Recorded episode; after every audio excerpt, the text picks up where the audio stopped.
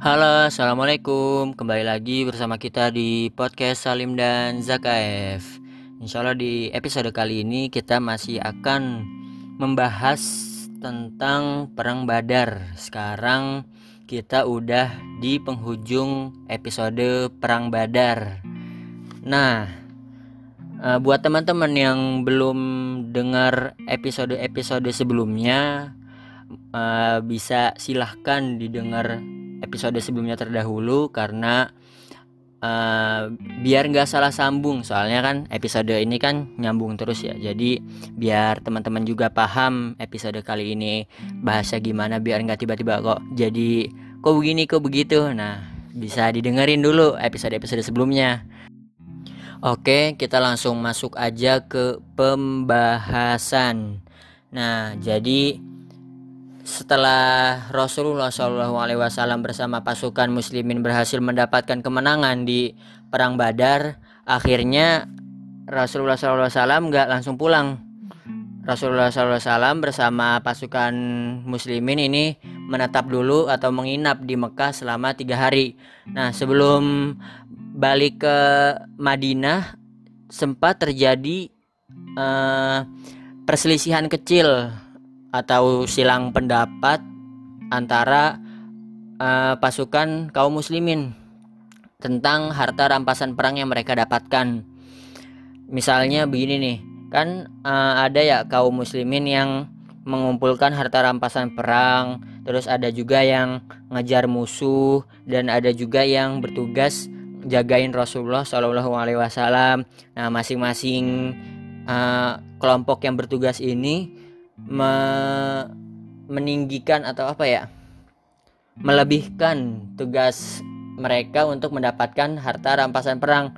Misalnya yang berhasil mengumpulkan harta rampasan perang berkata seperti ini kamilah yang telah mengumpulkan dan siapa pun tidak boleh mengusiknya. Terus uh, nyaut tuh yang yang ngejar musuh Kalian tidak lebih berhak daripada kami. Kamilah yang sebenarnya telah mengumpulkan harta rampasan itu dan mengalahkan musuh. Nah, yang bertugas menjaga Rasulullah Shallallahu Alaihi Wasallam gak mau kalah.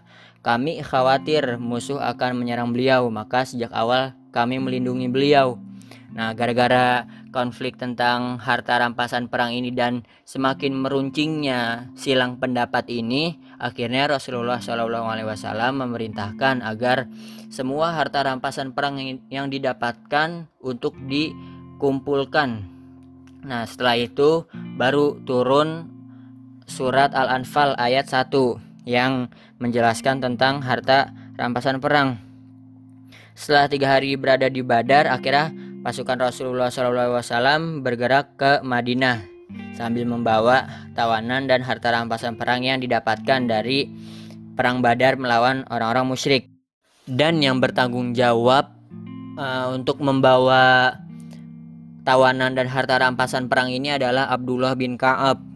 Nah, setelah melewati suatu tempat yang bernama As-Safra, akhirnya Rasulullah SAW memberhentikan pasukan dan membagi harta rampasan perang di sana secara merata kepada orang-orang muslim.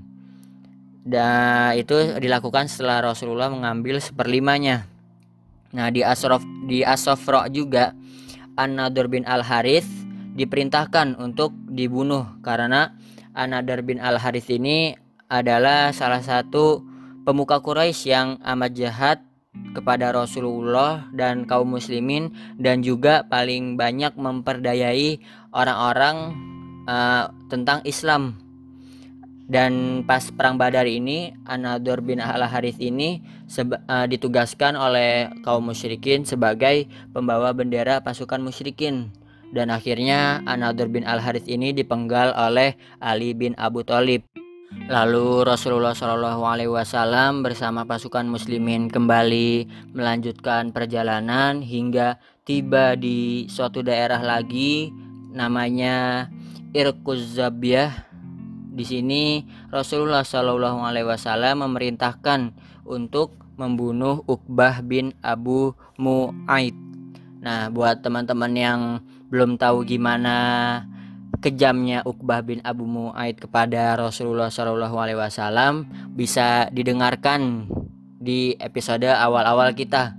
Di situ uh, kita jelasin gimana kekejaman uh, Uqbah bin Abu Muaid kepada Rasulullah Shallallahu Alaihi Wasallam yang waktu itu masih berdakwah di Mekah, belum hijrah ke Madinah. Dan juga Uqbah bin Abu Muaid ini nggak hanya uh, kejam kepada Rasulullah aja, uh, Uqbah bin Abu Muaid ini juga sering mengganggu orang-orang muslimin yang waktu itu masih ada di Mekah.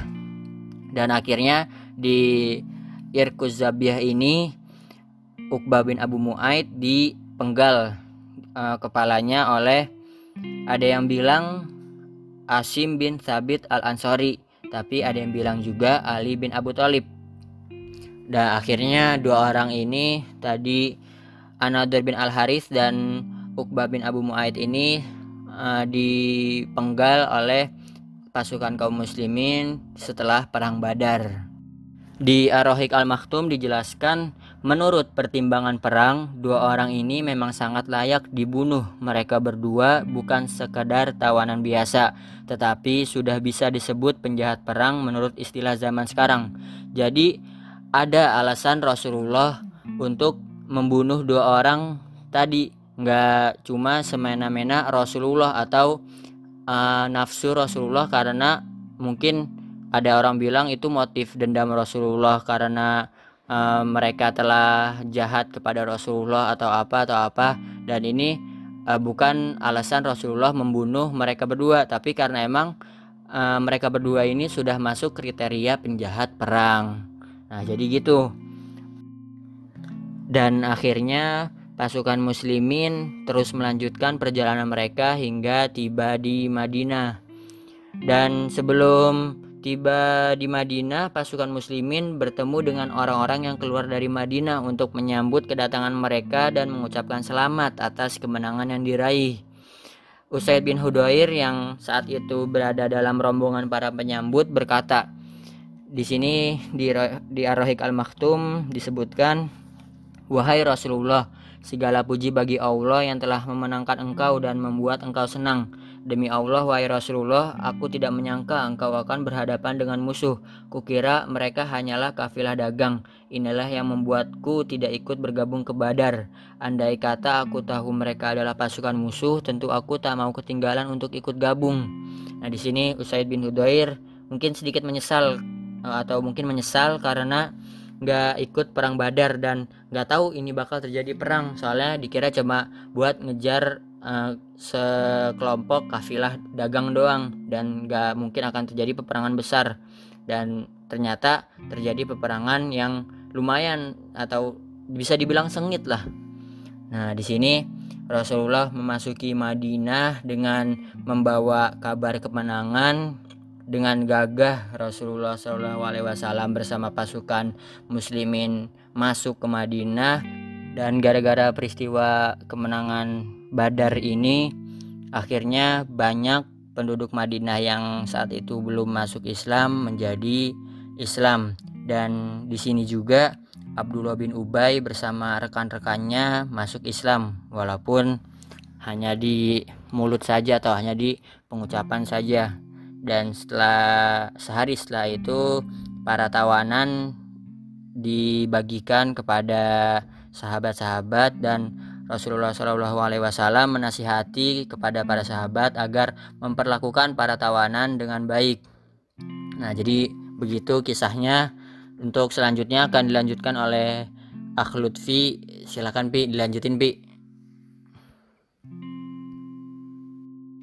Oke, Bo, anda lanjutin. Jadi setelah tiba di Madinah, Rasulullah Shallallahu Alaihi Wasallam bermusyawarah dengan para sahabatnya tentang masalah tawanan. Abu Bakar berkata, Wahai Rasulullah, mereka itu adalah anak-anak paman, yaitu sepupu, kerabat, dan saudara-saudara kita sendiri.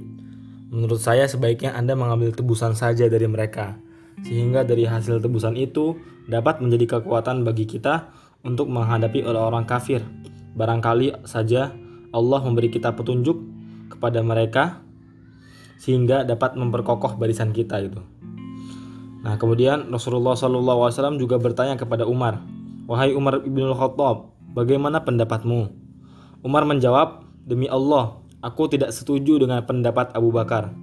Aku berpendapat hendaknya Anda menyerahkan kepadaku Fulan yaitu uh, saudaranya Umar untuk kupancung lehernya. Akil bin Abi Thalib Anda serahkan saja kepada Ali bin Abi Thalib biar dia penggal lehernya. Dan Anda serahkan kepada Hamzah si Fulan yaitu saudaranya biar dia penggal lehernya. Jadi setiap orang itu membunuh saudara sendiri gitu yang menjadi tawanan gitu. Ya kan emang dalam budaya orang Arab emang hanya saudara yang boleh membunuh membunuh saudara sendiri gitu. Dengan demikian Allah akan mengetahui bahwasannya kita tidak mengenal belas kasih kepada gembong-gembong kaum musyrikin.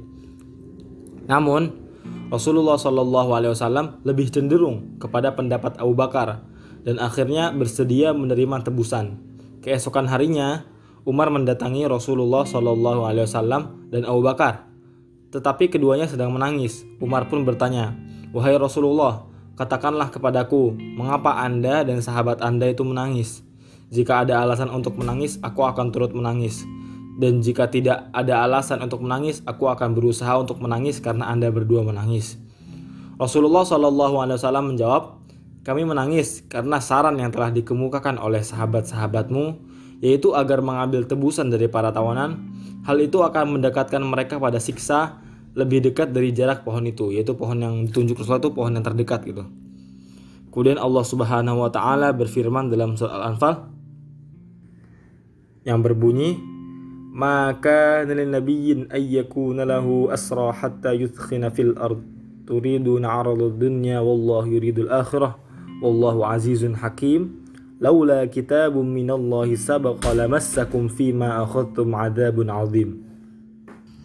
Yang artinya tidak patut bagi seorang nabi mempunyai tawanan sebelum ia dapat melumpuhkan musuhnya di muka bumi. Kamu menghendaki harta benda keduniaan, sedangkan Allah menghendaki pahala akhirat untuk kamu. Allah Maha Perkasa lagi Maha Bijaksana. Seandainya tidak ada ketetapan yang telah terdahulu dari Allah, niscaya kamu ditimpa siksaan yang besar karena tebusan yang kamu ambil.